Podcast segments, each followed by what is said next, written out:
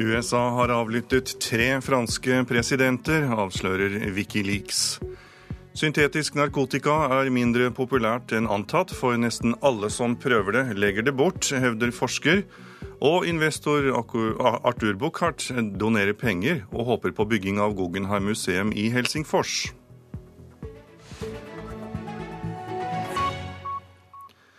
Ja, riktig god morgen og velkommen til Nyhetsmorgen med Tor Albert Frøsland. Klokken er 6.30. Eh, den amerikanske etterretningsorganisasjonen NSA har avlyttet tre franske presidenter, bl.a. nåværende statssjef Francois Hollande. Det hevder nettsiden Wikileaks, som bl.a. siterer hemmelige etterretningsrapporter. NSA skal ha avlyttet samtaler til presidentene Jacques Chirac, Nicolas Sarkozy og Francois Hollande, i tillegg til flere franske regjeringsmedlemmer og den franske ambassadøren til USA. Avlyttingen skal ha foregått fra 2006, og i hvert fall fram til like etter at Hollande overtok i 2012. Wikileaks siterer også dokumenter som omhandler innholdet i samtalene. Sarkozy skal ha vurdert å restarte fredsforhandlingene mellom Israel og Palestina uten amerikansk medvirkning. Hollande har drøftet mulighetene for en gresk exit fra eurosonen med tyske sosialdemokrater uten at forbundskansler Merkel ble informert. Og dokumentene inneholder mobiltelefonnumrene til en rekke personer i det franske presidentpalasset, inkludert nummeret til presidenten selv. Det er den franske dagsavisen Liberation og nettstedet Mediapart som først offentliggjorde meldingen fra Wikileaks i går. President Hollande har innkalt sitt forsvarsråd klokken ni i morges for å diskutere de nye opplysningene. Da NSA-avhopper Edward Snowden i 2013 offentliggjorde at Tysklands forbundskansler var blitt avlyttet, førte det til at president Barack Obama ga ordre om å slutte med å avlytte allierte ledere. Men det er uklart om ordren også omfatter regjeringsmedlemmer og rådgivere. Groholm, Washington. Japan vant 2-1 over Nederland i nattens åttedelsfinale i fotball-VM for kvinner. Dette er gode nyheter for Norge. Olav Tråen, du har kommet i studio etter å ha kommentert kampen i natt. og Hvorfor er dette så viktig for det norske laget? VM i fotball er ikke bare en kamp om eh, medaljer, det er også en kvalifisering for de europeiske eh, lagene til neste sommers OL i Rio de Janeiro. Europa har tre plasser. Frankrike og Tyskland er allerede klar for kvartfinale. Og hadde Nederland vunnet, ja, så ville de tatt den siste plassen. Men nå er det altså da slik at Sveits, Nederland, Sverige og Norge alle har gått ut i åttedelsfinalene. Og dermed er reglene slik at vi får en kvalifisering om noen måneder for å kåre en vinner. Altså den siste ledige OL-plassen. Og Hvordan er Norges muligheter blant disse landene du nevner? De er gode. Dette er lag som er omtrent på samme nivå. Så hvis det norske laget kan heve seg enda eh, litt, så bør de ha muligheter til å vinne den kvalifiseringen og få oppleve et OL som er veldig stort. Ja, hvordan har Norge gjort det i tidligere OL? Norge har mistet to sommerleker på bakgrunn av uh, svake VM-resultater, så sent som i London-OL. Men de har også lykkes. De har vunnet OL i Sydney for 15 år siden. Det var en stor prestasjon som jeg var så heldig å få lov til å referere. Da får vi se hvordan eh, de norske fotballkvinnene eh, klarer seg dersom de eh, kvalifiserer seg for neste sommer-OL. Takk skal du ha, Olav Tråen. De fire utenriksministrene i Ukraina, Russland, Tyskland og Frankrike ber om våpenhvile i Ukraina. Det er klart etter toppmøtet i Paris sent i går kveld. De siste månedene med fredsforhandlinger har vært resultatløse, og få har trodd at disse samtalene skulle få fart på fredsprosessen. Til et pressekorps i Paris sent i går kveld fortalte Russlands utenriksminister Sergej Lavrov at de ber om en umiddelbar våpenhvile i Ukraina. Han sier dette er en felles beslutning gjort sammen med han og av utenriksministrene i Ukraina, Frankrike og Tyskland, sammen med observatører fra Organisasjonen for sikkerhet og samarbeid i Europa, OSSE. Tirsdagens toppmøte var del av en ny runde med diplomatisk innsats for å få slutt på kampene mellom prorussiske separatister og ukrainske soldater. Konflikten har forverret seg de siste ukene, med stadige brudd på våpenhvilen som ble undertegnet i februar. Hittil er 6400 personer drept. Nå ber toppmøtet om en umiddelbar nedtrapping av den militære aktiviteten i området, og en sjette runde av samtalene er planlagt 7.7. Det sa reporter Liv Rønnaug Lilleåsen. Palestinas tidligere statsminister Salam Fayyad er tiltalt for hvitvasking av penger, og de palestinske selvstyremyndighetene har frosset alle hans bankkonti. Fayyad benekter å ha gjort noe galt. Salam Fayyad var politikeren verdenssamfunnet og Norge lente seg på da de forsøkte å bygge opp en palestinsk stat. Store pengesummer og mye politisk innsats ble brukt på å gjøre palestinerne klare for selvstendighet. Prosjektet kom langt, men det strandet sammen med forsøket på å få til en fredsavtale med Israel, og Fayyad måtte gå av som statsminister for to år siden etter uenigheter med president Mahmoud Abbas. Men han har fortsatt vært aktiv i palestinsk politikk som en uavhengig skikkelse. Det kan bli vanskeligere etter tiltalen som nå har kommet mot ham fra de palestinske selvstyremyndighetene. Fayyad er tiltalt for hvitevasking av midler, og alle bankkontoene hans er frosset, ifølge nyhetsbyrået AP, som har vært i kontakt med Fayyad. Fayyad, som er økonom, driver nå utviklingsinstituttet Future for Palestine, og sier at alle midlene var tiltenkt prosjekter i Jerusalem og på Vestbredden. Ifølge den israelske avisen Haaretz kommer deler av midlene fra De forente arabiske emirater, og spekulerer i om dette kan ha vært knyttet til emiratenes støtte til den meget kontroversielle palestinske politikeren Mohammed Dahlan. President Mahmoud Abbas' kritikere ser derimot på dette som nok et forsøk på å kvitte seg med en politisk rival i Fayyad. På Twitter sier statsviter og medlem av den amerikanske tenketanken Council of Foreign Relations at Abbas opptrer stadig mer autoritært. Abbas tok over makten etter Yasir Arafat. Han ble valgt til president for ti år siden, men har ikke siden arrangert et nytt presidentvalg. Sigurd Falkenberg Mikkelsen, Kairo. Nå går det an å få visum til USA igjen, men det vil ta tid før de flere 100 000 søkere som har planer om å reise til USA, får visumet sitt. Feilen ved amerikanske ambassader verden over skyldes tekniske problemer, og disse har vart siden 8. juni. USAs ambassade i Oslo har tidligere sagt til NRK at de jobber på spreng for å løse problemet, som nå altså ser ut til å være løst. Nesten alle som prøver syntetisk narkotika, legger det bort etter én eh, eller to gangers bruk. Det hevder seniorforsker og overlege Øystein eh, Christensen ved Sørlandet sykehus. Han har gjennom mange år jobbet med rusavvenning, og er ikke i tvil om eh, trenden, til tross for at antallet selgere av syntetisk narkotika øker hver uke. De aller fleste som bruker syntetiske rusmidler, de bruker det bare én eller to ganger. Og resultatet er ofte at de blir alvorlig syke og får ta skrekken av dette og bruker det ikke lenger.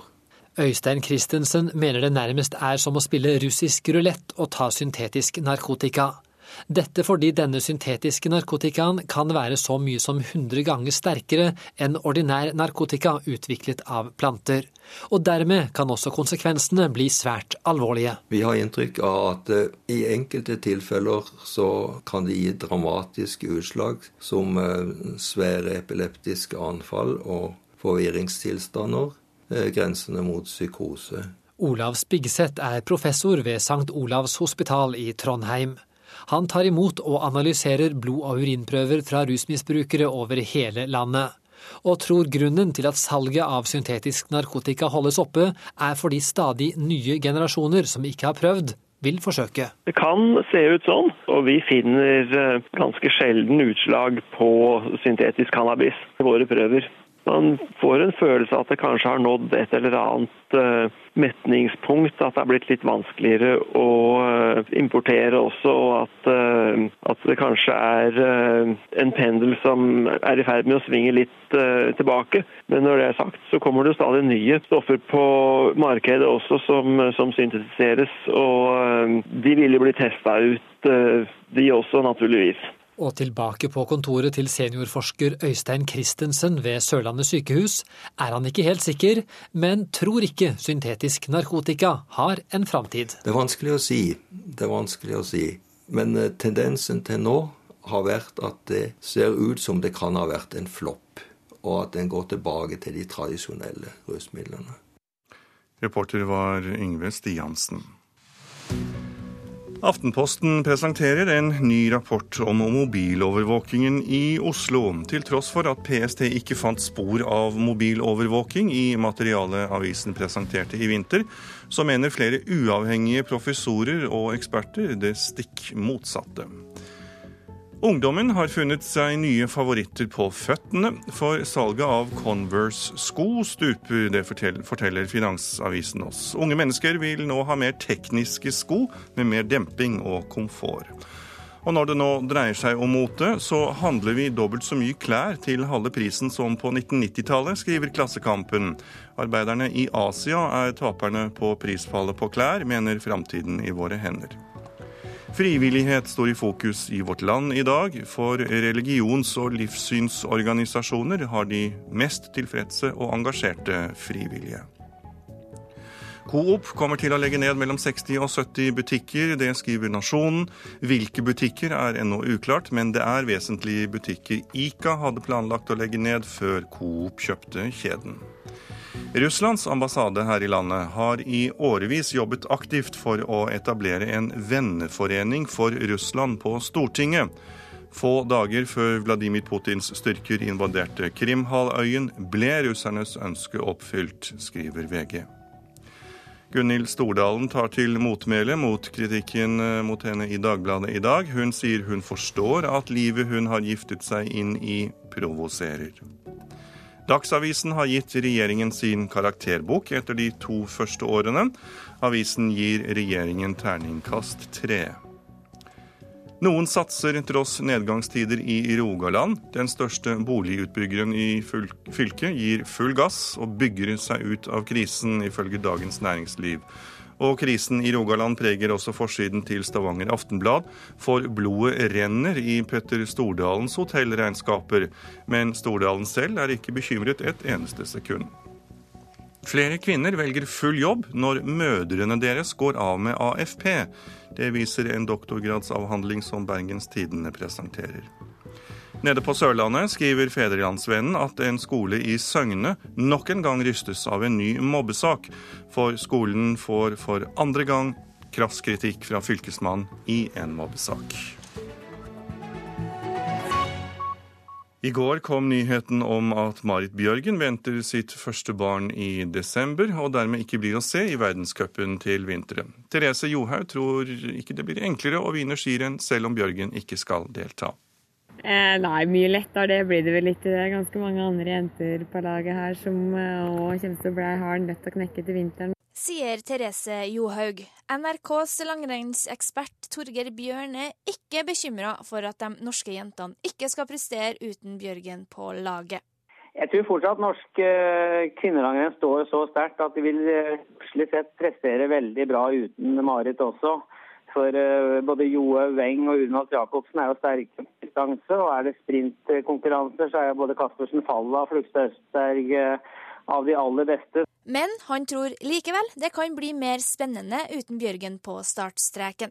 Ja, Marit er jo den største seiersmaskina i verdenscupen for damer. Så I og med at hun blir borte kommende vinter, så gir jo det en andre større muligheter til å vinne. Svenskene Charlotte Kalla og Stina Nilsson f.eks. kan jo fort få en seier eller to mer nå når man er ute et år. Reporter var Signe Oppsal. Til tross for det norske tapet mot England på mandag, så er mange unge jenter inspirert av de norske fotballkvinnene.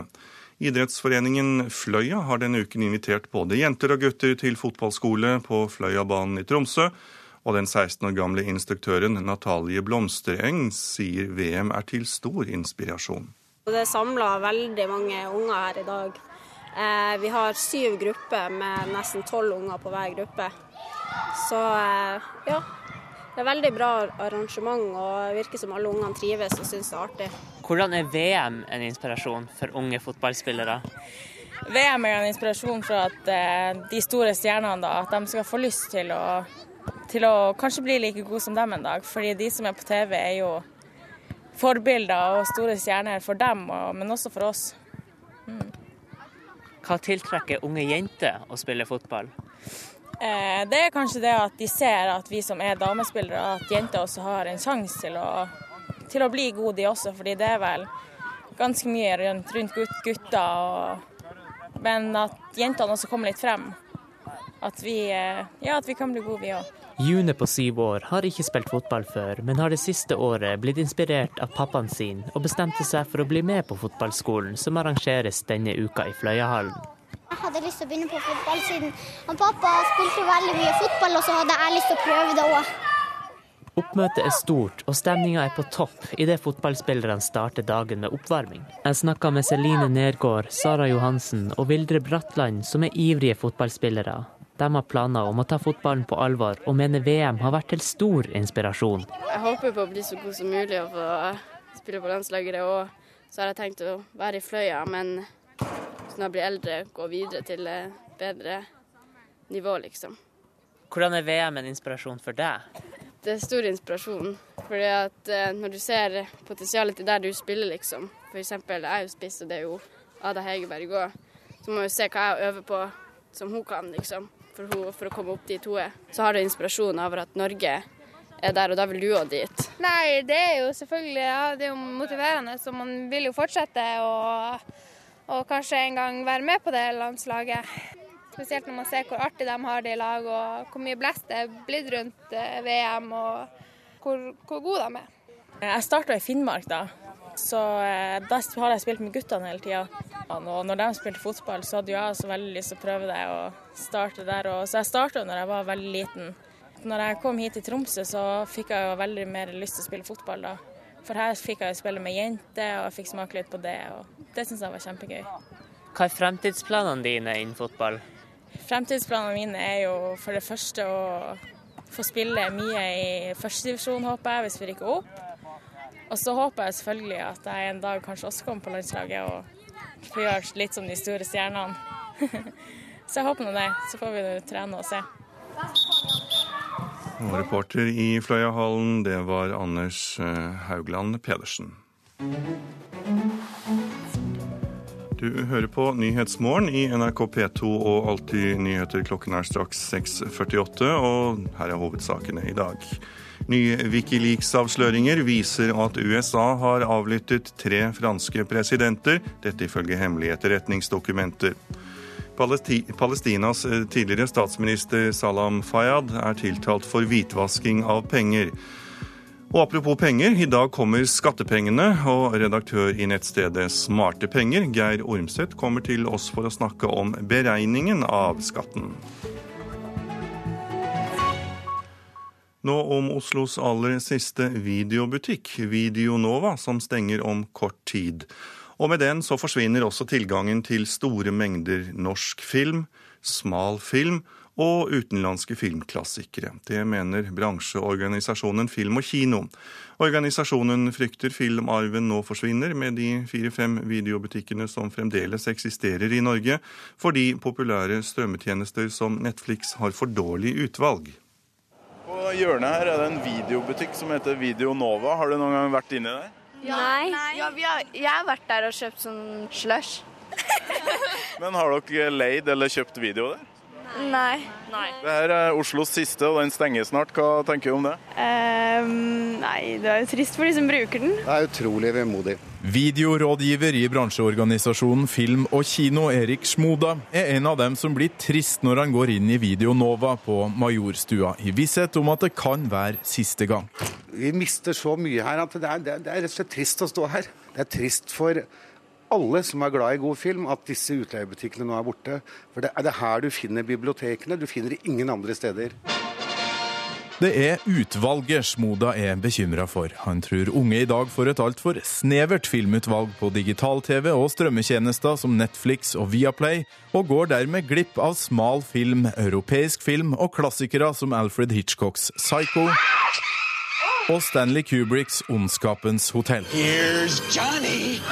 Og du kan lete etter norske filmer, f.eks. Altså klassikere som 'Eggs', 'Telegrafisten', 'Herman', altså Veiviseren f.eks. Du finner de bare her. Går innom her nesten en gang i uka. Hva tenker du om at den videobutikken her, Oslos siste, nå kommer til å forsvinne? Ja, Det er tragisk. Det er hyggelig å kunne gå og bla litt, ikke bare gå på nett. Mye bedre utvalg her, faktisk, når det gjelder gamle, klassiske filmer. Videokunde Petter Strøm etterlyser bedre utvalg via internett, og vi har spurt Netflix om bredden i utvalget uten å få svar. Men konkurrenten Viaplay skriver i en e-post til NRK at kundene etterspør ny film og ikke gammel. Derfor lønner det seg ikke å ha gammel film på strømmetjenesten. Det er godt nytt for ulovlige pirattjenester som Popkorntime, tror medie- og kommunikasjonslektor Marius Øfsti ved Universitetet i Oslo. Når noe er veldig lett tilgjengelig på strømmetjenesten du har på, eh, i stua di, så blir jo det som ikke er så lett tilgjengelig, blir plutselig veldig mye vanskeligere tilgjengelig. Og Det tror jeg igjen er piratvirksomheten sin fortrinn er ikke først og fremst pris lenger, men det er tilgjengelighet og enkelhet.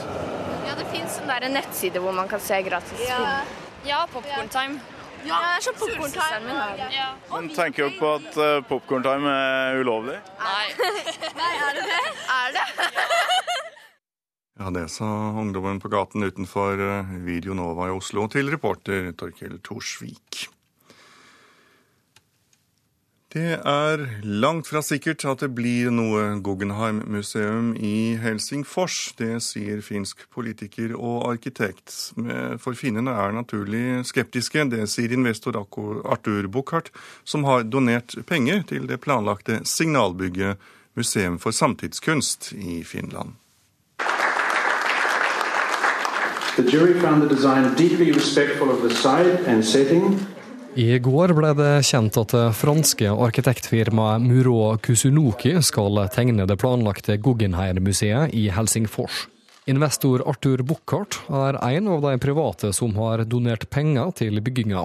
Han vil ha både mer moderne kunst og flere turister til den finske hovedstaden. Nei, det, det holder nå på å bygge Finlands største hotell, som åpner høsten eh, neste år. Og Da er det viktig å både delta og bidra, for dette er jo et spleiselag mellom den finske staten, Helsinki kommune og eh, næringslivet i Finland og Helsinki. Fra før er det Guggenheim-museet i New York, Bilbao, og det skal etter planer komme et i Abu Dhabi. Trass i stor entusiasme for Guggenheim til Finland, så mangler prosjektet halvparten av de private pengene som trengs. Den finske politikeren og arkitekten Anders Adlerkreutz fortalte til Yle radio at han er skeptisk. Det är ju fråga om pengar i slutändan.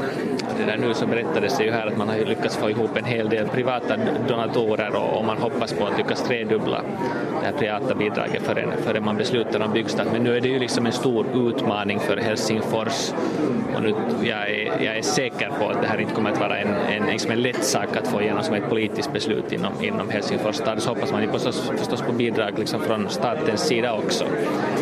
Att, eh, ska vi säga att man, jag, jag, är inte så säker på att det här kommer att byggas om jag ska vara helt ärlig.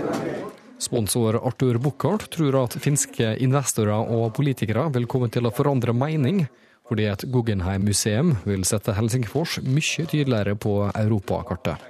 Generelt så er finner skeptiske, så det er ingen overraskelse. Men generelt så er også finner opptatt av kunst og kultur. Og eh, Det er jo bakgrunnen for at man har lansert dette her. Det vil ytterligere forsterke Helsingfors som en internasjonal by og en, eh, en eh, viktig by i Norden. Reporter var Øystein Vinstad. I dag går startskuddet for St. Olavsloppet. Det er fire dager, et fire dager langt landeveisstafett mellom Trondheim og Østersund.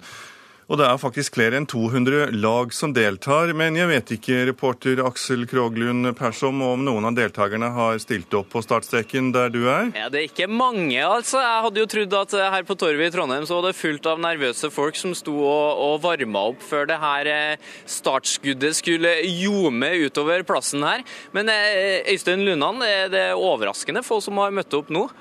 Det er jo nesten tre kvarter til, til første start. Og det er tidlig i morgen, så eh, folk er, kommer ikke i for god tid da. Nei. Du er uansett her, du er jo eh, leder for eh, den norske delen av det løpet. For dem som ikke vet hva St. Olavsløpet går ut på, kan du ta en kjapp leksjon? Det er en landeveisstafett mellom Trondheim og Østersund, som går to ganger Fra Trondheim og to ganger til Trondheim. Og I år starter vi i Trondheim. Neste år kommer vi inn i Trondheim. Det er litt over 50 etapper og litt på fire dager og 33 mil. Så vær så god. Ja, takk for det. 34 mil som da skal løpes gjennom fire dager. Som Øystein sa, den største delen av løpet går eh, på asfaltvei. Og så er det da, hold deg fast, 5800 løpere fordelt på 211 lag som skal delta her. Samtlige lag starter gjennom eh, til venstre for oss her nå, den startporten. Og én av de få som har møtt opp tidlig nok til å få med seg oppblåsinga av den startporten, det er Max fra Sverige. Velkommen til Trondheim. Takk så mye. Eh, ditt lag starter først, og det er ikke fordi at dere regner med å være best. Var det sånn det var? Eh, nei, Vi starter vel først for at vi skal komme i seng i tid i kveld. ja. Det er nemlig sånn at I Olavsloppet så ønsker de at alle deltakerne skal komme i mål sånn cirka noenlunde samtidig om fire dager i Østersund. Eh, Utfordringa er jo at det er både mosjonslag og profesjonelle lag som deltar. Max, eh, ditt lag, hva er navnet på det? Eh, jeg tror ikke vi har noe navn. Jeg får spørre her. Ja, ok, Det står på lappen din. da. Vitalkapasitet sett, faktisk. Du vet ikke hvem du springer for, men du har tenkt å, å springe fort likevel. Hva er taktikken for dagens løp? Eh, jeg vet hvem jeg springer for. Det er kompisarbeidslaget. Ah. Men jeg inngår ikke i arbeidslaget. Nei, okay. Du hentet... innhyrt ekstra hjelp. Pga. din løpskraft? Eh, nei, pga. just rent antall løpere. Har du vært med før? Nei. Gleder du deg? Eh, ja. ja. Nei, men Det er bra. Øystein, stas å ha svensker i Trondheim? Ja, det er veldig stas. Og, og vi, er, vi, er, litt for få svensker i Trondheim. Vi har en liten nedgang i, i eh, antall lag fra Sverige i år, og det er vi litt lei oss for. Vi vil gjerne ha mange svensker i Trondheim i dag. Og bare spør deg, Øystein, Skal du delta sjøl, eller? Nei, nå, jeg, nå har jeg, jeg har vært med i mange, mange år og løpt nesten alle etappene. Men nå er, jeg, er ikke helsa mi sånn at jeg kan springe lenger. Og la meg si det sånn, I fjor var det en som sprang alle disse etappene sjøl. I år er det ingen som tar den utfordringa, og det tror jeg egentlig er like greit på 34 mil. Takk skal du ha, Aksel Kroglund Persson. Skal vi høre om det blir bra vær for dette løpet, da? Vi kan i alle fall begynne i fjellet i Sør-Norge. Der skal det bli enkelte regnbyger vesentlig nord for Finse. Ellers stort sett opphold og perioder med sol. Østlandet og Telemark skyet eller delvis skyet regnbyger, kan hende med torden. Aust-Agder får enkelte ettermiddagsbyger, vesentlig i østlige områder, ellers opphold og lange perioder med sol. Vest-Agder på kysten nordvestlig stiv kuling, opphold og lange perioder med sol. Rogaland sør for Obrestad nordvest liten kuling. I ettermiddag kan hende stiv kuling. Stort sett opphold og perioder med sol. Hordaland og Sogn og Fjordane skyet eller delvis skyet, fra i ettermiddag enkelte regnbyger. Møre og Romsdal får for det meste skyet og enkelte regnbyger. Og i Trøndelag blir det da altså skyet, enkelte regnbyger, vesentlig i Sør-Trøndelag, så ikke det kanskje beste løpeværet. Nordland får i nord enkelte regnbyger først på dagen, og mulighet for lave tåkeskyer på kysten. Ellers stort sett skyet oppholdsvær. Troms enkelte regnbyger i sør, i nord opphold. Kan hende lave tåkeskyer på kysten. Finnmark kan hende lave tåkeskyer på kysten i vest, litt regn på vidda og i øst. Nordensjøland på Spitsbergen får opphold og perioder med sol. På Spitsbergen blir det skyet i nord, ellers opphold og perioder med sol. Så er det morgentemperaturene, og de ble målt klokken fem. Svalbard lufthavn fem grader. Kirkenes ti. Vardø og Tromsø-Langnes ni. Bodø ti. Og så er det mange som har den samme temperaturen. Det er Brønnøysund, Trondheim-Værnes, Molde, Bergen-Flesland og Stavanger, alle ni grader. Kristiansand-Kjevik 11 grader, Gardermoen 12, Lillehammer 11, Røros 6 og Blindern i Oslo hadde 12 grader klokken fem i dag tidlig. Og her i eh, Nyhetsmorgen så fortsetter vi med disse sakene. Som vi hørte i Dagsnytt, USA har avlyttet tre franske presidenter. Dette er det Wikileaks som avslører. Nei til EU reagerer sterkt på bruken av EØS-midlene. Og skattepengene er på vei, i alle fall for dem som er så heldige å ha noe til gode hos kemneren. Skal vi tilbake til saken om at USA skal ha overvåket tre franske presidenter. Det viser altså da nye dokumenter fra varslernettstedet Wikileaks. Med nå Hilmar Langhelle Mjelde, du er statsviter og seniorforsker ved Rokkansenteret. Er du overrasket over det som nå kommer frem?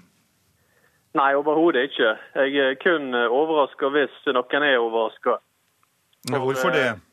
Eh, poenget med en etterretningstjeneste er jo nettopp å samle inn informasjon som ikke ellers er eh, fritt eh, tilgjengelig. Og for så sa jo den tidligere tyske forbundskansleren Helmut Kohl at ja, når han snakket på mobilen, så visste han at USA satt og lytta på. Sånn var det nå da bare. Da måtte han bare godta, liksom. Du, Det er ikke første gang USA avlytter stater de da faktisk er allierte med. Hvorfor driver de på denne måten?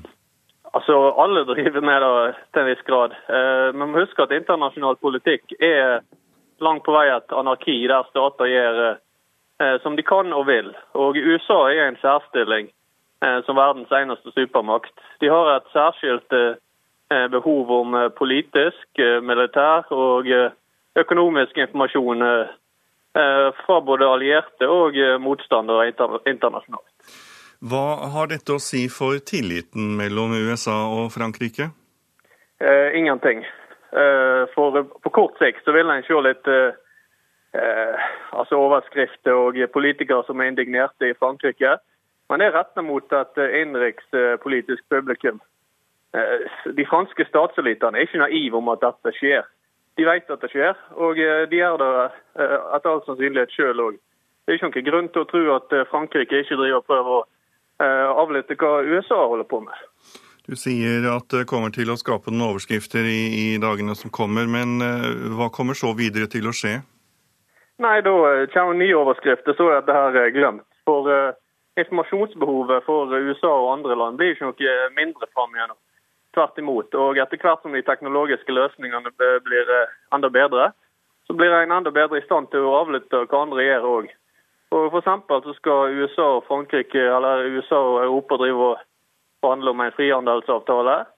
Eh, og det er klart at da har begge parter behov eh, for å vite hva kort eh, motstanderen sitter med.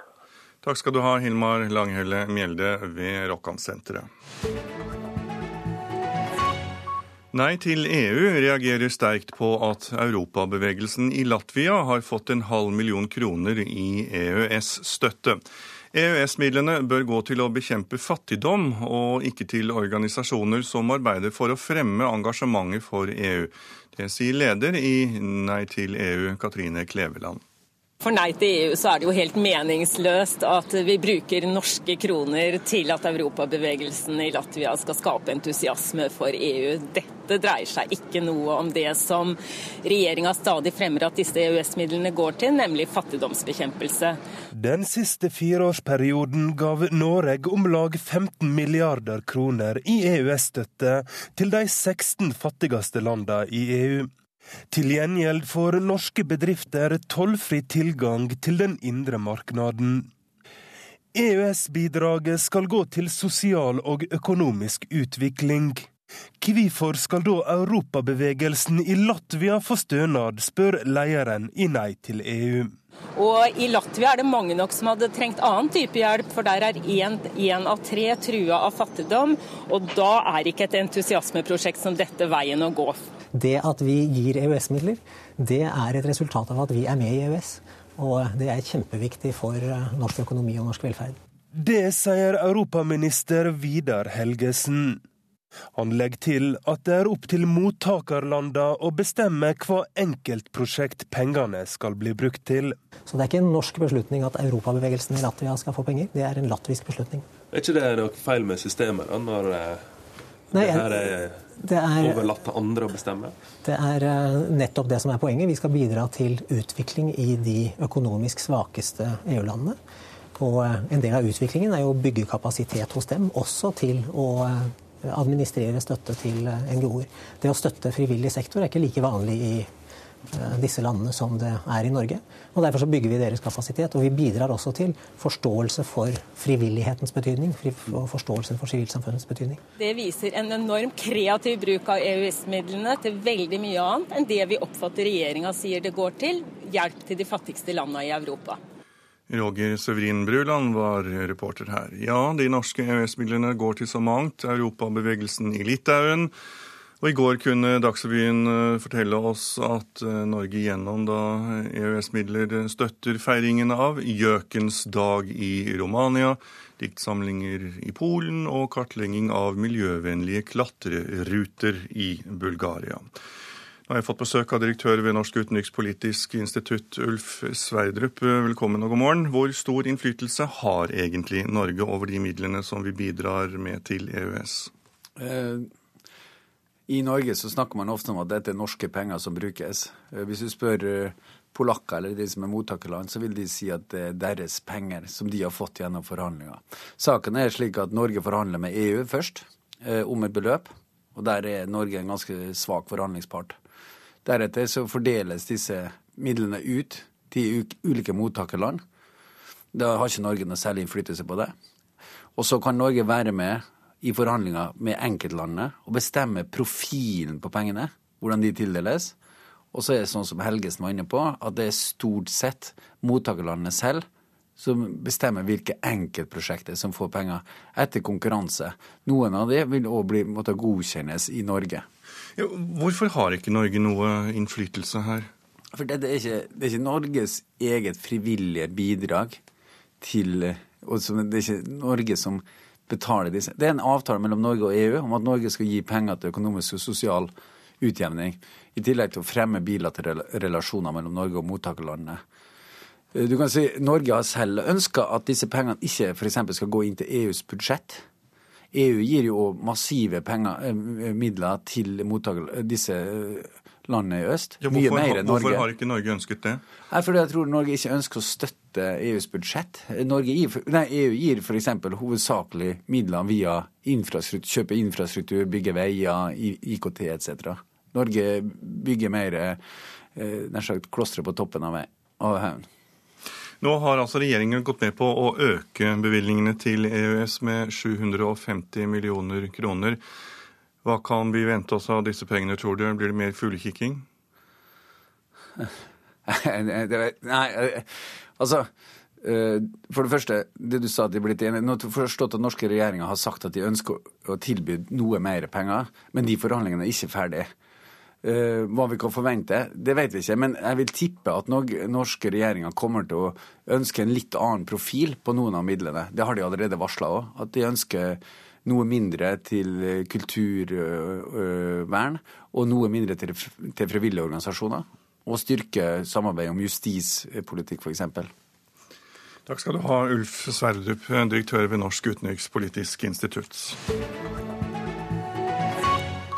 Skattepengene er på vei, i hvert fall for dem som er så heldige å ha noe til gode hos kemneren. Over 2,5 millioner nordmenn som betalte for mye skatt i fjor, kan i løpet av de nærmeste dagene vente seg penger inn på konto. De får igjen eh, til sammen 27,2 milliarder kroner. Sier skattedirektør Hans Christian Holte. For det blir en formidabel sum når man legger sammen alt det staten skylder sine borgere i for mye innbetalt skatt. Skjønt alle får ikke igjen penger. En god del får den etter hvert så berømte, men kanskje ikke fullt så velkomne, baksmellen. Det er rundt 530 000 som må betale i underkant av 7,4 milliarder. De som har penger til gode, får i snitt igjen 11 000 kroner på skatten, mens de som må betale restskatt, i snitt skylder 14 000 kroner hver. Men det er for å si det forsiktig store variasjoner i hver gruppe. Vi har jo eksempler på eh, årets oppgjør eh, hvor det er eh, da folk som får igjen 22,5 millioner kroner. Det er jo en hyggelig bit å ta med seg. Og så er det også sånn at restskattebeløp også eksisterer på over 15 millioner kroner. Og det siste håper jeg jo er godt kjent på forhånd. Det er mer enn fem ganger så mange som får igjen penger på skatten i forhold til antallet som må betale restskatt. Dette er en trend som har holdt seg i flere år. Fagsjef i Skattebetalerforeningen, Rolf Lote, mener å ha en forklaring på akkurat det. Han tror myndighetene bevisst setter skattetrekket litt for høyt hos mange for å gjøre ting lettere for seg selv. De vil jo aldri få inn 100% av de pengene eh, folk skylder i skatt. Så sånn sett så er det lettere for staten at de isteden skylder eh, skattyterne penger. Så, så, jeg tror nok det er noe av forklaringen på, på at flere får tilbake enn, en de som har til gode. Men skattedirektør Holte avviser at staten bevisst legger inn et slingringsmonn. Nei, det er nok heller sånn at vi prøver å treffe eh, ganske så presist når det gjelder eh, skatteberegningene på forhånd. Men så ser vi også at eh, ganske mange faktisk da ber sin egen arbeidsgiver om litt ekstra skattetrekk for å spare seg opp en liten buffer på den måten. Så det er nok blant de viktigste forklaringene. Reportere det var Halvard Norum og Johan Settem. Økonom og redaktør i nettstedet Smarte penger, Geir Omseth, velkommen skal du være. Rundt 2,5 millioner av oss får i gjennomsnitt igjen nesten 11 000 kroner på skatten i disse dager. Betyr dette at det bare er gode tider i vente for mange av oss? Jeg har lyst til å svare ja på det spørsmålet. Eh, Riktignok øker eh, arbeidsledigheten, og overskriftene preges jo av det. Men vi skal huske på at 99% av oss tross alt eh, beholder eh, jobben. Så for folk flest så er det fortsatt gode tider. Så viderefører egentlig verdenshistoriens eh, største kjøpekraft som vi nådde i, i fjor. Så da kan man ikke si noe annet. Ja, for folk flest. Som vi hørte i innslaget, så er det flere forklaringer på at så mange av oss da får igjen penger på skatten. Men, eh, og skattedirektøren eh, fortalte bl.a. at vi ber arbeidsgiver sette av ekstra penger osv. Hvorfor tror du det er slik? Eh, år etter år så ser vi jo at det trekkes mer skatt enn det beregnes. Så det ser jo ut som der det ligger i systemet. Og det er mulig at det gjøres for å Det er enklere å trekke inn skatten underveis enn å kreve den inn i etterkant. Det kan ligge noe der. Men samtidig så vet vi at eh, staten med lovverket i, i ryggen er jo kanskje mest nådeløse pengeinnkreveren vi har. Så for privatpersoner så, så, tror jeg kanskje ikke det er så gjeldende. For det, Dette er jo en, en, form for sparing? Dette er jo en eh, form for tvangssparing som vi på en måte alle må være med på. Så eh, det kan også være at det henger igjen litt av formynderstaten, at det er bedre at staten passer på disse pengene for deg så er det da også noen som eh, hva skal jeg si, havner på andre siden av denne skillelinjen da, om å betale restskatt, som det heter så populært. Hva er det som gjør at eh, skatteetaten ikke klarer å beregne skatten vår eh, på skikkelig vis? Ja, Det er jo mye som kan skje i løpet av et år. Altså Man kan jo selge, spesielt hvis man selger aktiva, altså selger aksjefond, aksjer med gevinst eller tap. Man har fått bonus i, slutten av året. Vi ser også år hvor det skjer store skift i rentene. Så har jo det innvirkning på eh, rentefradraget. Så eh, det er nok eh, det vanligste for privatpersoner. Til slutt, hva bør vi bruke skattepengene til? Ja, altså De som har en robust økonomi, bør stenge ørene litt igjen for dette evinnelige maset om å spare. De bør bruke de med god samvittighet, særlig barnefamilier. Prioritere gode eh, familieopplevelser framfor pensjonstilværelsen for mor og far. Takk skal du ha, Geir Armseth. Klokken den er, har passert sju med 17 minutter. Nyhetsmorgen hører du på, her er hovedsakene. Nei til EU reagerer sterkt på at europabevegelsen i Latvia har fått en halv million kroner i EØS-støtte.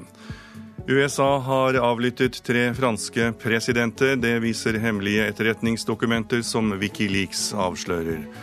Og flere kursholdere er skeptiske til spørsmålene i den nye båtførerprøven. Prøven har blitt enklere, sier Sjøfartsdirektoratet, som avviser kritikken. Utenriksministermøte om Ukraina i Paris oppfordrer partene i konflikten til å trekke tilbake alle tunge våpen fra frontlinjen innen helgen. Møtet mellom ministrene fra Ukraina, Russland, Tyskland og Frankrike uttrykte dyp bekymring for utviklingen øst i Ukraina de siste ukene, Og korrespondent Morten Jentoft i Moskva, hva slags mulighet er det for at denne bekymringen kan resultere i en avspenning på bakken i denne blodige konflikten? Ja, nå var jo utenriksministrene både fra Ukraina og Russland til stede eh, på dette møtet. her. Russland sier jo at de formelt ikke er en del av denne konflikten, men det er jo ingen tvil om at de har innflytelse på de prorussiske separatistene øst i Ukraina. Eh, det at man går såpass tøft ut fra dette møtet at man også da ble enig om en slags eh, felles resolusjon her. Det kan jo gi et lite håp om at man kanskje får da denne våpenhvilen, i alle fall, som man jo formelt inngikk i Minsk i februar, at den blir en realitet også på bakken. Og eh, I første omgang handler det som du sa, om å få de tunge våpnene, det gjelder stridsvogner, det gjelder altså kanoner over 100 mm, tilbake fra frontlinjen igjen. Eh, de har jo blitt kjørt frem igjen de siste, de siste ukene, og gjort at uh, bare i løpet av den siste uken så har minst 60 mennesker, blant dem mange sivile, også mistet livet. Sånn at Det at man ble såpass konkret da på dette møtet i Paris sent i går kveld og i natt, det ses på av mange som, som en framgang. Og så skal det også ha vært snakk om en demilitarisering av et område utenfor den nest største byen i Donetsk fylke, Mariupol. Ja, eh, og det det er også veldig interessant, fordi at eh, rundt denne byen Shiroki, nå, som ligger da litt, vest, eh, litt øst unnskyld, fra Mariupol, der har det vært harde kamper de siste, den siste tiden. Og nettopp dette stedet her mener mange kan utløse en større konflikt, i og med at det ligger så nært denne byen med nærmere en halv million innbyggere. Der går man da inn for en demilitarisering eh, som et første steg da på å, å, å, få roet ned konflikten i det området der.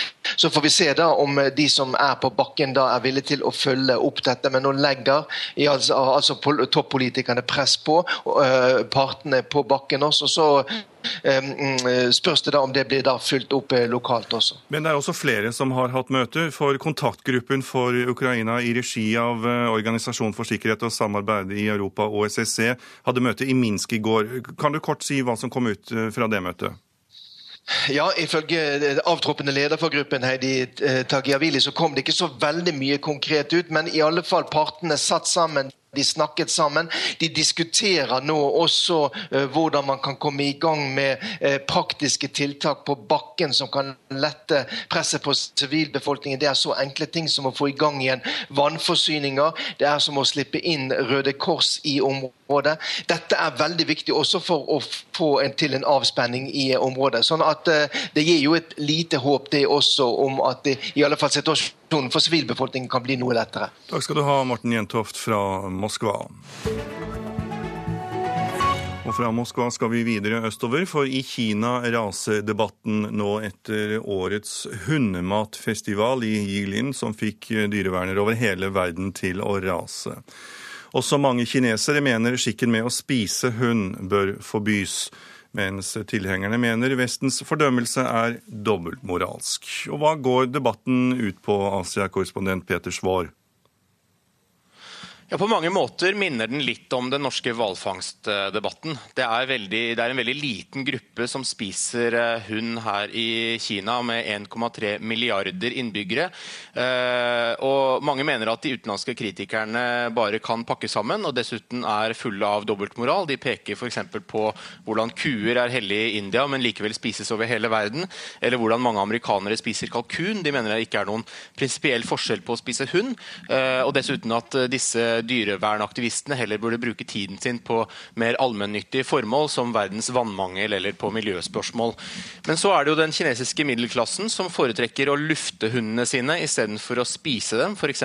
her i Beijing. Og mange her syns den eh, harde kritikken av denne skikken er veldig pinlig for eh, Kina, og er dessuten enig i at eh, hunder hører hjemme i bånd og ikke på middagsbordet. Du, og det har vært et veldig oss... stort engasjement på sosiale medier her, og også flere demonstrasjoner vaner som for en gangs skyld har blitt tolerert av myndighetene her. Og så må du fortelle oss eh, Peter Svår, hvorfor hundekjøttet er regnet som så attraktivt blant enkelte i Kina?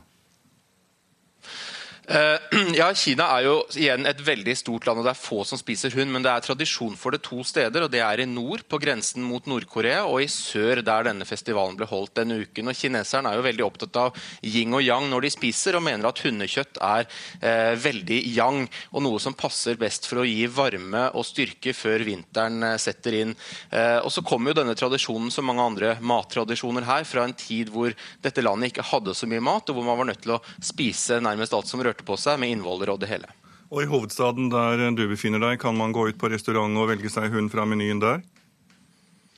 Ja da, jeg har uh, fått det på menyen her, men du skal lete litt etter det. og Det er uh, litt som å finne hvalkjøtt på menyen på en restaurant i Oslo. Men særlig koreanske restauranter her i Beijing har uh, stuet hund på menyen. Korea er jo også et land som kanskje i enda større grad enn Kina har tradisjoner for hundespising. Kort Peter Svår, hva sier kinesiske dyrevernaktivister? Ja, Det er jo flere grupper nå som de siste årene har reist til Julin for å kjøpe fri hunder og redde dem fra slaktebenken. Eh, og En kinesisk eh, kvinne fra Tianjin, som er litt, litt utenfor Beijing her, som uh, samler inn penger, uh, ganske store beløp, fra givere her i Kina for å redde hundrevis av eh, hunder og katter. Og Så har de vunnet det de kaller en seier ved at lokalmyndigheten Julin nå har distansert seg fra denne festivalen og sier at uh, den ikke lenger er noe som myndighetene i byen eh, offisielt stiller seg bak. Takk skal du ha, Peter Svaar. skal du få vite hva som står på noen av avisforsidene. Aftenposten presenterer en ny rapport om mobilovervåkingen i Oslo. Til tross for at PST ikke fant spor av mobilovervåking i materialet som avisen presenterte i vinter, så mener flere uavhengige professorer og eksperter det stikk motsatte. Ungdommen ser ut til å ha funnet, funnet seg nye favoritter på føttene, for salget av Converse-sko stuper, det forteller Finansavisen. Unge mennesker vil nå ha mer tekniske sko med mer demping og komfort. Og når det da dreier seg om mote, så handler vi dobbelt så mye klær til halve prisen av det det var på 1990-tallet, skriver Klassekampen. Arbeiderne i Asia er taperne på prisfallet på klær. Det mener Framtiden i våre hender. Frivillighet står i fokus i vårt land i dag. For religions- og livssynsorganisasjoner har de mest tilfredse og engasjerte frivillige. Coop kommer til å legge ned mellom 60 og 70 butikker, skriver Nasjonen. Hvilke butikker er ennå uklart, men det er vesentlige butikker Ica hadde planlagt å legge ned før Coop kjøpte kjeden. Russlands ambassade her i landet har i årevis jobbet aktivt for å etablere en venneforening for Russland på Stortinget. Få dager før Vladimir Putins styrker invaderte Krimhalvøyen, ble russernes ønske oppfylt, skriver VG. Gunhild Stordalen tar til motmæle mot kritikken mot henne i Dagbladet i dag. Hun sier at hun forstår at livet hun har giftet seg inn i, provoserer. Dagsavisen gir regjeringen sin karakterbok etter de to første årene, og avisen gir regjeringen terningkast tre. Noen satser, tross krisetider i Rogaland. Den største boligutbyggeren i fylket gir full gass og bygger seg ut av krisen, ifølge Dagens Næringsliv. Og Krisen i Rogaland preger også forsiden til Stavanger Aftenblad, for blodet renner i Peter Stordalens hotellregnskaper. Men Stordalen selv er ikke bekymret et eneste sekund.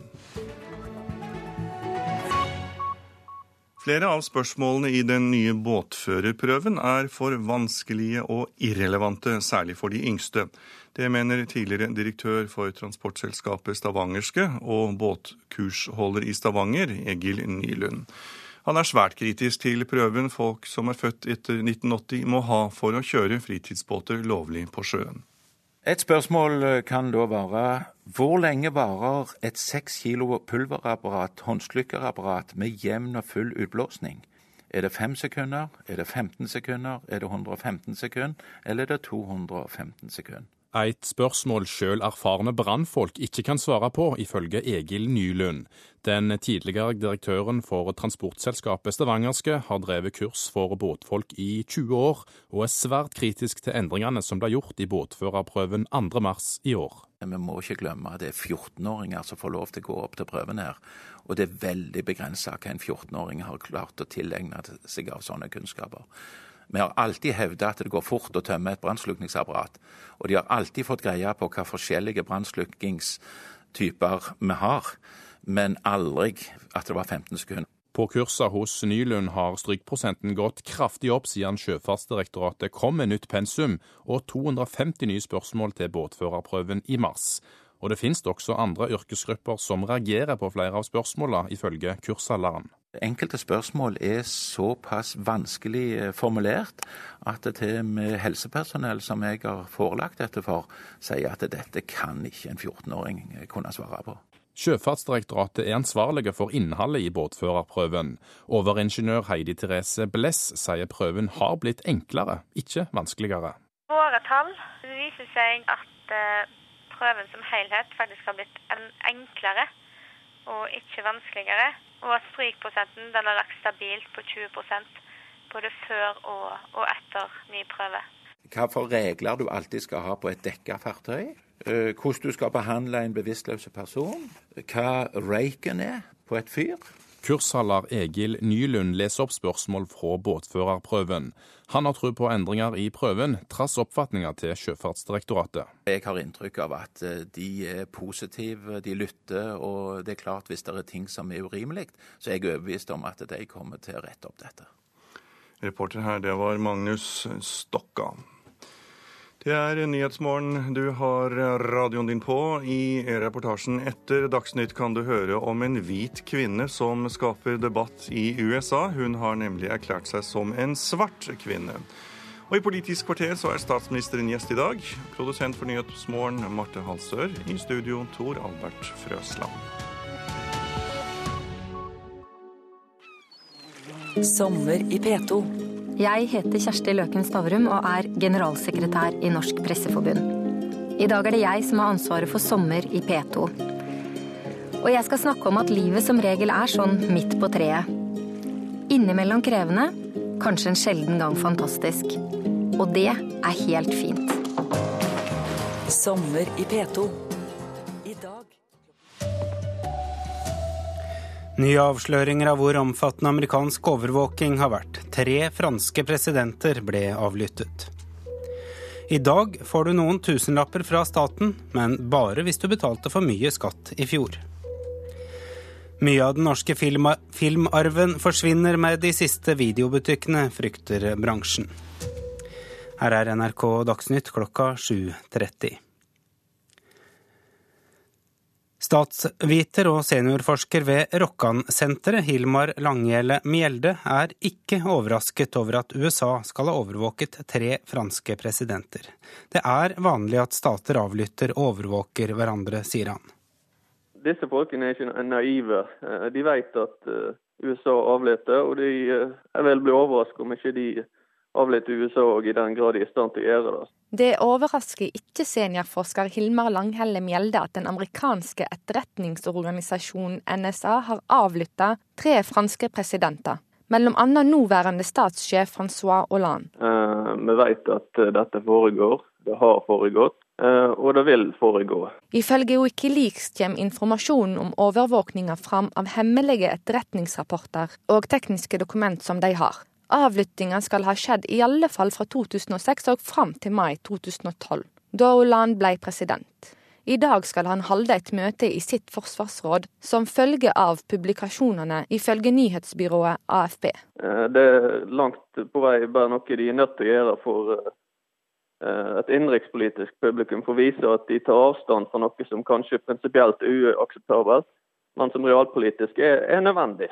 Dokumenter skal inneholde sammendrag av samtaler mellom medlemmer av den franske regjeringa om de viktigste sakene som Frankrike og det internasjonale samfunnet står overfor. Men det kommer ikke til å gjøre så mye med tilliten mellom USA og deres allierte, mener Mjelde. På kort sikt så skaper det litt uh, overskrifter og uh, oppstyr i media, men uh, det vil legge seg uh, fort igjen. For de er to altfor viktige land for hverandre, viktige allierte. Reporter er Hibba Sarmadawi. Nei til EU reagerer sterkt på at europabevegelsen i Latvia har fått en halv million kroner i EØS-støtte. EØS-midlene bør gå til å bekjempe fattigdom, og ikke til organisasjoner som arbeider for å fremme engasjementet for EU. Det sier leder i Nei til EU, Katrine Kleveland. For nei til EU så er det jo helt meningsløst at vi bruker norske kroner til at europabevegelsen i Latvia skal skape entusiasme for EU. Dette dreier seg ikke noe om det som regjeringa stadig fremmer at disse EØS-midlene går til, nemlig fattigdomsbekjempelse. Den siste fireårsperioden gav Norge om lag 15 milliarder kroner i EØS-støtte til de 16 fattigste landene i EU. Til gjengjeld får norske bedrifter tollfri tilgang til den indre marknaden. EØS-bidraget skal gå til sosial og økonomisk utvikling. Hvorfor skal da europabevegelsen i Latvia få stønad, spør lederen i Nei til EU. Og I Latvia er det mange nok som hadde trengt annen type hjelp, for der er én av tre trua av fattigdom. Og da er ikke et entusiasmeprosjekt som dette veien å gå. Det at vi gir EØS-midler, det er et resultat av at vi er med i EØS. Og det er kjempeviktig for eh, norsk økonomi og norsk velferd. Det sier europaminister Vidar Helgesen. Han legger til at det er opp til mottakerlandene å bestemme hva enkeltprosjekt pengene skal bli brukt til. Så det er ikke en norsk beslutning at europabevegelsen i Latvia skal få penger, det er en latvisk beslutning. Er ikke det noe feil med systemet, da, når eh, Nei, det her er det er, overlatt til andre å bestemme? Det er eh, nettopp det som er poenget. Vi skal bidra til utvikling i de økonomisk svakeste EU-landene. Og eh, en del av utviklingen er jo å bygge kapasitet hos dem, også til å administrere støtte til NGO-er. Reporter Roger Severin Bruland. Og Norge har ikke veldig stor innflytelse over hva EØS-midlene brukes til. Det sier direktør i Norsk utenrikspolitisk institutt, Ulf Sverdrup. I Norge så snakker man ofte om at dette er norske penger som brukes. Eh, hvis du spør eh, polakker eller de som er mottakerland, så vil de si at det er deres penger som de har fått gjennom forhandlinger. Saken er slik at Norge forhandler med EU først eh, om et beløp, og der er Norge en ganske svak forhandlingspart. Deretter så fordeles disse midlene ut til ulike mottakerland. Da har ikke Norge noe særlig innflytelse på det. Og så kan Norge være med i forhandlinger med enkeltlandene og bestemme profilen på pengene, hvordan de tildeles. Og så er det sånn som Helgesen var inne på, at det er stort sett mottakerlandene selv som bestemmer hvilke enkeltprosjekter som får penger, etter konkurranse. Noen av dem vil òg måtte godkjennes i Norge. I Sverige er flere beboere i et rekkehusområde i Malmö blitt evakuert etter funn av en sprengladning. Politiet har uskadeliggjort ladningen, som kunne ha ført til stor skade dersom den hadde gått av. I går ble to håndgranater kastet mot et annet hus i byen, og politiet setter de to sakene i sammenheng. Det har vært flere drap og voldssaker i Malmö den siste halve året. En rekke advokater vil la være å stille til fengslingsmøter i august. Det skriver Advokatbladet. Årsaken er en protest mot de offentlige betalingene til advokatene. Advokat Ellen Hordager Andenes sier det er vanskelig å tenke seg at folk skal synes synd på advokater, men at det er nødvendig med en aksjon for å rette opp forholdet mellom utbetalingene og lønnsutviklingen i resten av samfunnet. Skattepengene er på vei, i hvert fall for 2,5 millioner nordmenn som betalte for mye skatt i fjor. Og det er ikke småtterier staten skylder etter å ha tatt inn for mye i året som gikk. De får igjen eh, til sammen 27,2 milliarder kroner. Sier skattedirektør Hans Christian Holte. For det blir en formidabel sum når man legger sammen alt det staten skylder sine borgere i for mye innbetalt skatt. Skjønt alle får ikke igjen penger. En god del får den etter hvert så berømte, men kanskje ikke fullt så velkomne, baksmellen. Det er rundt 530 000 som må betale i underkant av 7,4 milliarder. De som har penger til gode, får i snitt igjen 11 000 kroner på skatten, mens de som må betale restskatt, i snitt skylder 14 000 kroner hver. Men det er for å si det forsiktig store variasjoner i hver gruppe. Vi har jo eksempler på årets oppgjør eh, hvor det er eh, da folk som får igjen 22,5 eh, millioner kroner. Det er jo en hyggelig eh, bit å ta med seg. Og så er det også sånn at eh, restskattebeløp eh, også eksisterer på over 15 millioner kroner. Og det siste håper jeg jo er godt kjent på forhånd. Reportere Halvard Norum og Johan Settem. Oslos aller siste videosjappe, Video Nova, stenger om kort tid, og med den forsvinner også tilgangen til store mengder norsk film, smalfilm og utenlandske filmklassikere. Det mener bransjeorganisasjonen Film og Kino. De frykter filmar filmarven nå forsvinner med de fire-fem videosjappene som fremdeles eksisterer i Norge, fordi populære strømmetjenester som Netflix har for dårlig utvalg. Det er utrolig vemodig. Videorådgiver i bransjeorganisasjonen Film og Kino, Erik Smoda, er en av dem som blir trist når han går inn i Videonova på Majorstua, i visshet om at det kan være siste gang. Vi mister så mye her at det er, det er rett og slett trist å stå her. Det er trist for alle som er glad i god film, at disse utleiebutikkene nå er borte. For det er det her du finner bibliotekene. Du finner det ingen andre steder. Det er utvalget Smoda er bekymra for. Han tror unge i dag får et altfor snevert filmutvalg på digital-TV og strømmetjenester som Netflix og Viaplay, og går dermed glipp av smal film, europeisk film og klassikere som Alfred Hitchcocks Psycho og Stanley Kubricks Ondskapens hotell. Og du kan lete etter norske filmer, f.eks. Altså klassikere som Eggs, Telegrafisten, Herman, altså Veiviseren f.eks. Du finner de bare her. Hva tenker du om at uh, den videobutikken her, Oslos siste, nå kommer til å forsvinne? Ja, Det er tragisk. Det er uh, hyggelig å kunne gå og bla litt, ikke bare gå på nett. Mye bedre utvalg her, faktisk, når det gjelder gamle klassiske filmer. Videokunde Petter Strøm etterlyser bedre utvalg via internett, og vi har spurt Netflix om bredden i utvalget uten å få svar. Men konkurrenten Viaplay skriver i en e-post til NRK at kundene etterspør ny film og ikke gammel. Derfor lønner det seg ikke å ha gammel film på strømmetjenesten. Det sa reporter Torkil Torsvik. Japan vant 2-1 over Nederland i nattas åttendelsfinale i fotball-VM for kvinner. At et europeisk lag ble slått ut nå, betyr at Norge likevel får en mulighet til å spille kvalifisering om en OL-plass eh, i Rio de Janeiro neste år. Selv om Norge altså ble slått ut av VM-sluttspillet i kampen mot England i går. I tillegg til Japan ble USA klar for kvartfinale i VM etter 2-0 over Colombia i natt. Ansvarlig for Dagsnytt Elin Pettersen, teknisk ansvarlig Marianne Myrhol, i studio Arild Svalbjørg. Og her i Nyhetsmorgen skal vi til den amerikanske delstaten Washington. Der har en hvit kvinne erklært seg som svart. Hun er en velutdannet kvinne som i sitt arbeid behandler afroamerikanske spørsmål, og hun har i mange år utgitt seg for å være svart. Nå har dette ført til en stor debatt, forteller vår USA-korrespondent Tove Bjørgaas.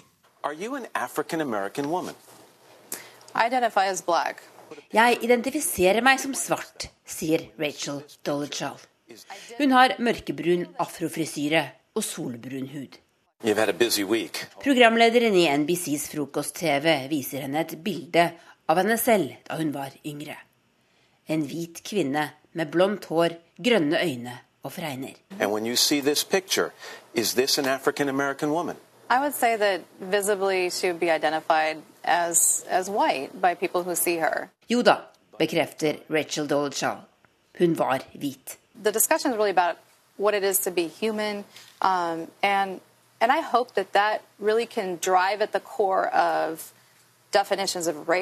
Historien om Dolchal er underlig og veldig amerikansk. Den har fått nasjonal oppmerksomhet her den siste uka, og sier mye om hvor betente følelser rase fortsatt utløser i USA. Hun er 37 år gammel og kjent som en lokal afroamerikansk aktivist i det nordvestlige USA. Fram til denne uka ledet hun lokallaget til NAACP, den største organisasjonen for afroamerikaneres rettigheter. Men det var fram til løgnen hennes ble avslørt. Dolechal hadde bedt politiet etterforske rasistiske hatbrev hun skulle ha mottatt. Da politiet sporet opp foreldrene hennes, viste det seg at de er hvite.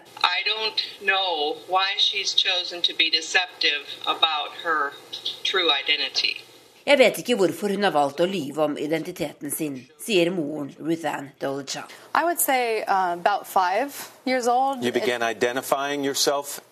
as African American? I, I was drawing self-portraits with the brown crayon instead of the peach crayon, and the black, you know, black curly hair, and you know. Det begynte allerede da jeg var rundt fem år gammel, og jeg tegnet meg selv med store, svarte krøller, forklarer Rachel.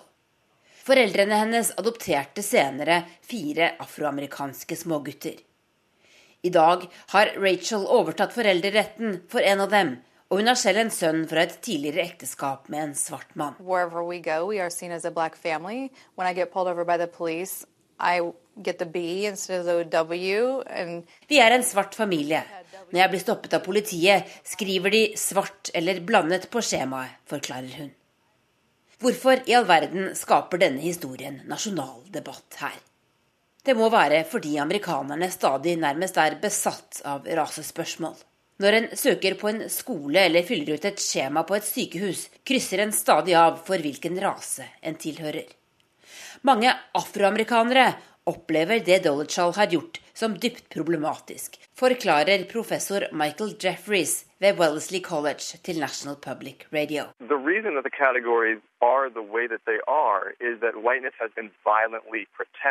Vi har disse kategoriene fordi det å være hvit gjennom amerikansk historie har vært beskyttet med vold. Mange svarte er opprørte over det hun har gjort, fordi de mener hun kan velge når hun vil være svart og når hun vil være hvit. Rachel Dolichal har mistet jobben og har måttet svare på mange vanskelige spørsmål den siste uka. Men hun har ingen planer om å bli hvit med det første. Me, sure. not, not, no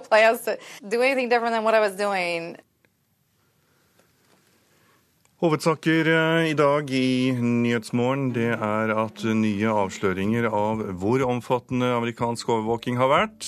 Tre franske presidenter blir avlyttet, ifølge Wikileaks. Nei til EU reagerer sterkt på at europabevegelsen i Latvia har fått en halv million kroner i EØS-støtte.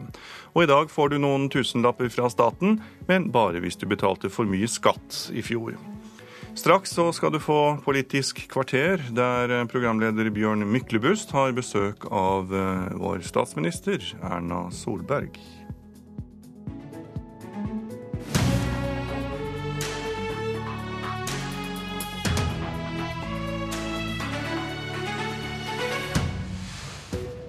Velkommen til Politisk kvarter, statsminister Erna Solberg. Tusen takk. Da jeg spurte Knut Arild Hareide om partilederes sommeroppsummeringer og ærlighet, så sa han jeg snakker alltid sant, men sier ikke alltid alt. Hvordan er det med ærligheten din i dag? Jeg forsøker også alltid å snakke sant til etter beste, etter beste kunnskap og, og, og annet. Men eh, det er klart at det ikke er alt vi trenger å fortelle. Uh, og jeg har ofte mange spørsmål om hva vi, hva vi sier på bakrommet. Og jeg mener at i norsk politikk så er det viktig at vi som samarbeider også sier ting til hverandre og diskuterer ting uten at vi skal bruke kringkasting eller annet som, som hovedvirkemiddel for det. Det er kanskje Men ikke alt som er på lista, selv om det ikke skjer på bakrommet? Ja, men jeg, altså For meg er jo en oppsummering eh, viktig, ikke minst etter nå har vi hatt to stortingssesjoner, altså ja, i underkant av to år i regjering. Vi har veldig mye vi har gjort. Og det er klart, vi slåss hver dag for å få lov å fortelle hva vi har gjort. Eh, de sakene som ikke skaper konflikt og diskusjon, fordi de er så bra at ingen vil kritisere oss, og da er det litt mindre interesse. Men da blir det sånn at jeg kommer til å snakke om samferdsel, jeg kommer til å snakke om skole, jeg kommer til å snakke om eh, hva vi gjør for å få ned helsekøene, for å få til bedre kreftbehandling, rusbehandling. Faktisk alle de sakene jeg også snakket om i valgkampen i 2013, som jeg kommer til å være stolt av i dag å legge frem resultatene på. Og så dukker det opp nye saker. Syria-avtalen, står den på regjeringens skryteliste? Eh, det er jo ikke initiert av regjeringspartiene. og Regjeringspartiene var enige om at vi skulle gjøre mer. Vi har gjort mer i vår periode i Syria. Vi har tatt imot flere syriske flyktninger. Men vi mener jo at det hadde vært best bruk av pengene hadde vi brukt mesteparten av de i eh, nærområdene. Det er der behovene er desidert størst. Husker du hva du sa om SV da de protesterte mot egen regjerings asylpolitikk og tok dissens? Ja, jeg sa at det, sa jeg at det var litt maktesløshet når man eh, går i dissens på det. Eh, og eh, heldigvis har jo vi ikke opplevd dissenser i vår regjering. Men er det ikke styrken i en intern misnøye som kan være farlig for et samarbeid, ikke hva man kaller det? Ja, det viktige her er at vi har altså, vi har ikke fra regjeringens side vært enige om, om, om, hva vi skulle gjøre i Syria. Så har vi hatt litt ulik oppfatning Nå er dere ikke enige lenger. Vi har hatt litt ulik oppfatning av hvordan vi på Stortinget skulle håndtere det faktumet at vi hadde, ti, eh, hadde et eh, flertall som hadde bestemt seg for at de ville hente 10 000 syriske flyktninger på kvote til Norge over to år. Vi valgte da fra Høyres side å si at for oss er det bedre med det som er nest best, nemlig å få en, eh, en ordning som vi tror kommunene kan makte å bosette. Vi er alle partier på Stortinget opptatt av at vi skal bidra i den krisen og konflikten som er i Syria. Det gjør vi jo både med den bistanden vi gir til nærområdene inn i Syria, men vi gjør det også gjennom å hente kvoteflyktninger allerede i dag. Bent Høie, din nestleder og helseminister, var innvandringspolitisk talsmann i 2008, og han sa at uenigheten om asylpolitikken i regjeringen viste en svak statsminister. Hva forteller denne saken om deg? Men her er det jo ikke en uenighet i regjeringen om hva vi skal gjøre. Men på Stortinget har vi valgt en ulik strategi i møte med et de facto flertall. Er det så mange skal, som er enig med deg at ikke dere er enige om hva man skal, at dere er enige altså, om hva man skal gjøre? Regjeringen var enig. Vi la frem en, la en redegjørelse i Stortinget. Jeg viste til hva vi kom med i revidert nasjonalbudsjett. Regjeringen la frem i revidert nasjonalbudsjett det vi gjorde, en økning i i bistanden i nærområdene. Eh, og så har vi altså håndtert en situasjon på Stortinget hvor det da alternativt ville vært 10 000 syriske flyktninger over to år, eh, som hadde kommet på toppen av den asyltilstrømningen av de som får opphold. Og det mener jeg er et politisk, praktisk håndverk som har vært nødvendig for å sørge for at vi faktisk kan få en mer eh, en ordning som er bedre å håndtere enn det det lå an til. Men skjønner du at man kan spørre hvorfor SVs protester mot egen regjeringspolitikk var så alvorlige, mens FrPs i Syria-saken, i trygdeoppgjøret, ikke er det? Altså Jeg skulle ønske at vi ikke hadde hatt uenighet om disse sakene. Men, men svar på spørsmålet. Men, skjønner, skjønner du at man stiller det spørsmålet? Dere var ganske krasse mot SV som sto på plenen mens nå er det helt uproblematisk at Frp i løpet av kort tid protesterer mot trygdeoppgjøret og mot Syria-vedtaket, og foreslår en folkeavstemning mot egen regjeringspolitikk, det regjeringen må gjennomføre. Ja, men det er ikke egen regjeringspolitikk, men det som Stortinget har påført en mindretallsregjering å gjennomføre. Og det er noe helt annerledes enn det som er den egne regjeringens politikk. Vi har faktisk som partier stått sammen om hva som er regjeringens politikk. Så har vi håndtert en politisk situasjon i Stortinget okay. som jeg mener er et nest beste basert på at uh, ellers ville vi fått en situasjon som ville vært vanskeligere å håndtere, også ute i kommunene. Det leder meg elegant til mitt neste spørsmål. Er motivasjon viktig for at du gjør en oppgave på en best mulig måte? Motivasjon er alltid viktig for det. Eh, samtidig så er, skal man aldri undervurdere pliktfølelse, ansvarsfølelse.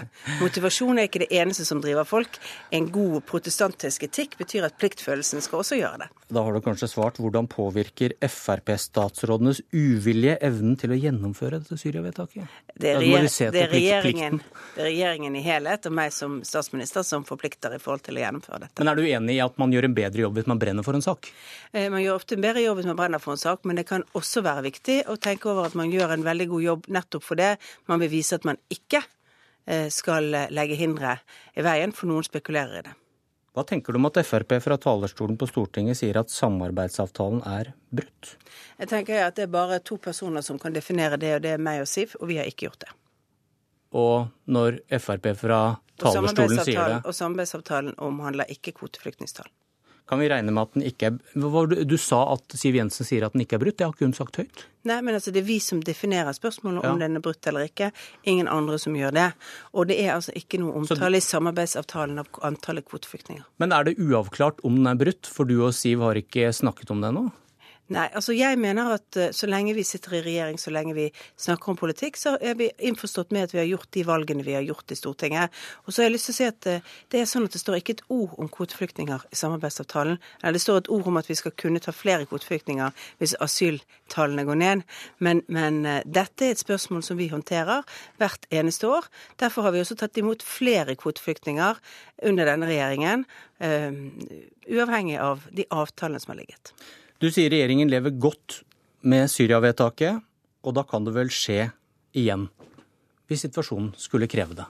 Jeg mener at eh, stortingsflertallet bør eh, tenke gjennom om eh, denne måten er en riktig måte å drive politikk på eh, fremover. Men du kan de, ikke si begge deler. Du kan gjør... ikke si, si, at dette er helt greit og Stortinget må passe på at de ikke gjør det igjen? Jo, altså vi, Det må vi selvfølgelig gjøre. For vi må håndtere dette inn i et budsjett som ingen andre har sett budsjettvirkningen av, og ingen vet hvordan budsjettet er. Derfor har vi lagt opp til den praksisen normalt at å bestemme så store økonomiske størrelser gjør vi når vi behandler selve budsjettet, ikke uavhengig av budsjettene.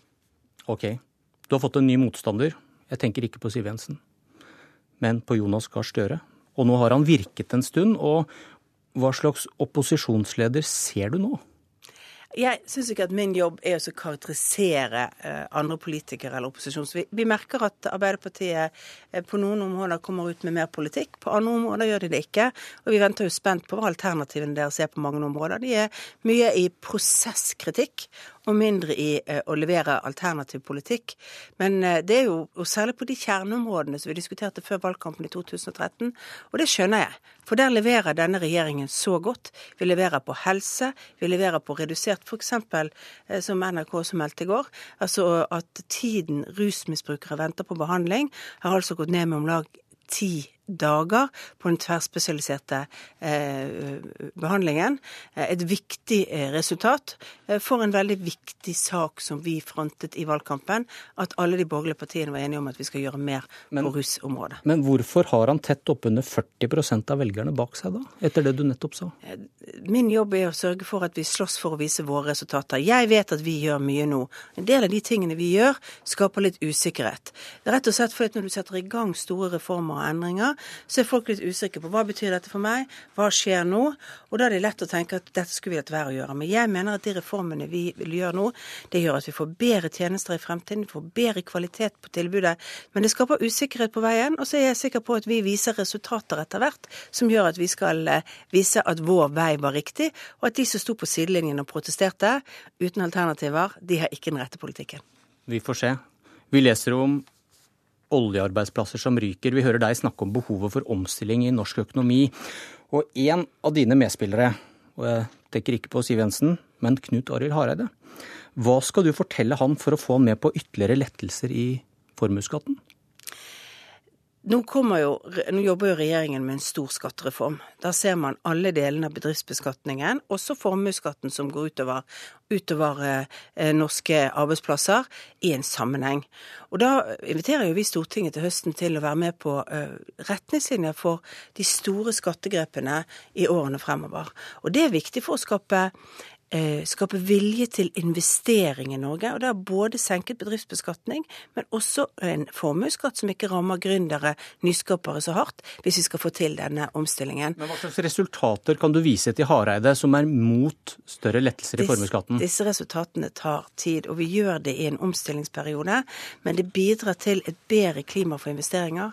I Norge har vi over år gjort det sånn at investering i eiendom er blitt det beste å gjøre, istedenfor å investere i de nye kunnskapsrettede næringene.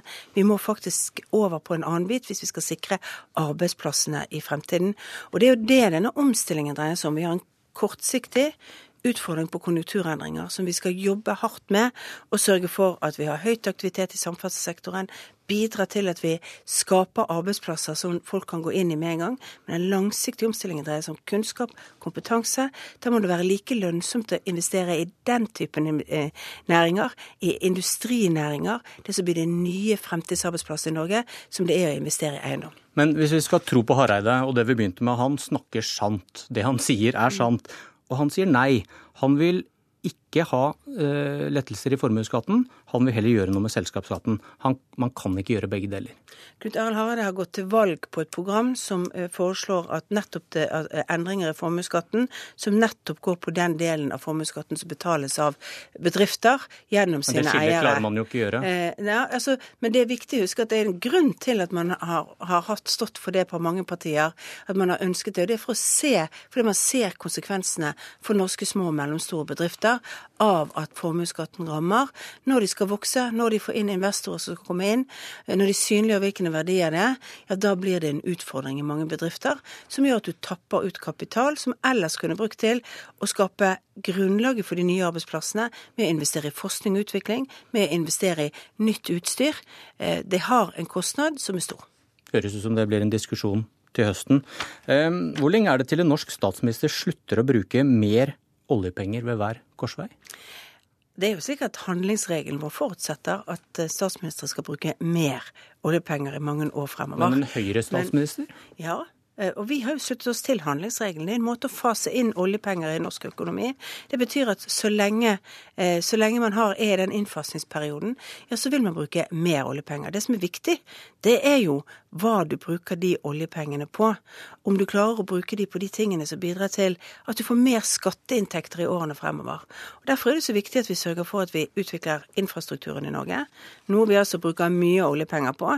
Vi har økt budsjettene for vei og jernbane med nesten 30 på to år. En formidabel investering som bidrar til lavere kostnadsnivå, som bidrar til bedre bymiljø, og som bidrar til mange av de målene vi har der. Men du gir en del oljemilliarder til drift også. Kommunene fikk en ekstra milliard i revidert budsjett. og eh, Er det et paradoks at offentlig sektor vokser, når du snakker så høyt om behovet for, å, for flere nye private arbeidsplasser? Ser du motsetningen? Eh, jeg ser motsetning hvis vi ikke får til veksten i de private arbeidsplassene. Du kan gjøre begge deler. Offentlig eh, sektor kan ese, og så kan du skape disse nye Offentlig sektor må vokse noe i årene fremover, fordi vi har store, store nye eldrekull som kommer ut, som kommer til å trenge omsorg, som kommer til å trenge hjelp. Vi skal ha mer politifolk, det har denne regjeringen lovet. Vi skal uh, sikre et godt forsvar. Jeg ble spurt om dette før valget i 2013, så sa jeg at offentlig sektor kommer til å vokse også med Høyre i regjering, rett og slett fordi oppgavene vi skal løse, gjøres gjennom gjennom offentlig sektor i hovedgrad. Eh, og dermed så må vi også se for oss at offentlig sektor vokser. Men det må ikke skje i et tempo som gjør at det, at det bidrar til at privat sektor ikke vokser. For på lang sikt når vi ikke hele tiden kan fase inn oljepenger, så vil bærekraften i privat sektor alltid være nødvendig for å kunne finansiere offentlig sektor. Derfor er den omstillingen vi går inn i nå, annerledes enn de omstillingene vi har bak oss. For nå skal vi omstille oss til, eh, vi ikke, til jobber vi ikke helt vet om kommer til å ha samme bæreevnen for velferd som det de har vært eh, tidligere. Og når Jonas Gahr Støre da satt her og sa at eh, vi har omstilt oss i 100 år, så syns jeg det bevitner at han ikke skjønner den omstillingen vi går inn i nå, det er en helt annen type omstilling. For nå vet vi ikke at det er én sektor som trekker alt, sånn som oljesektoren gjorde. Men enn så lenge så har han velgerne bak seg. God ja, sommer. Det skal han få kamp om. God sommer, Erna Solberg.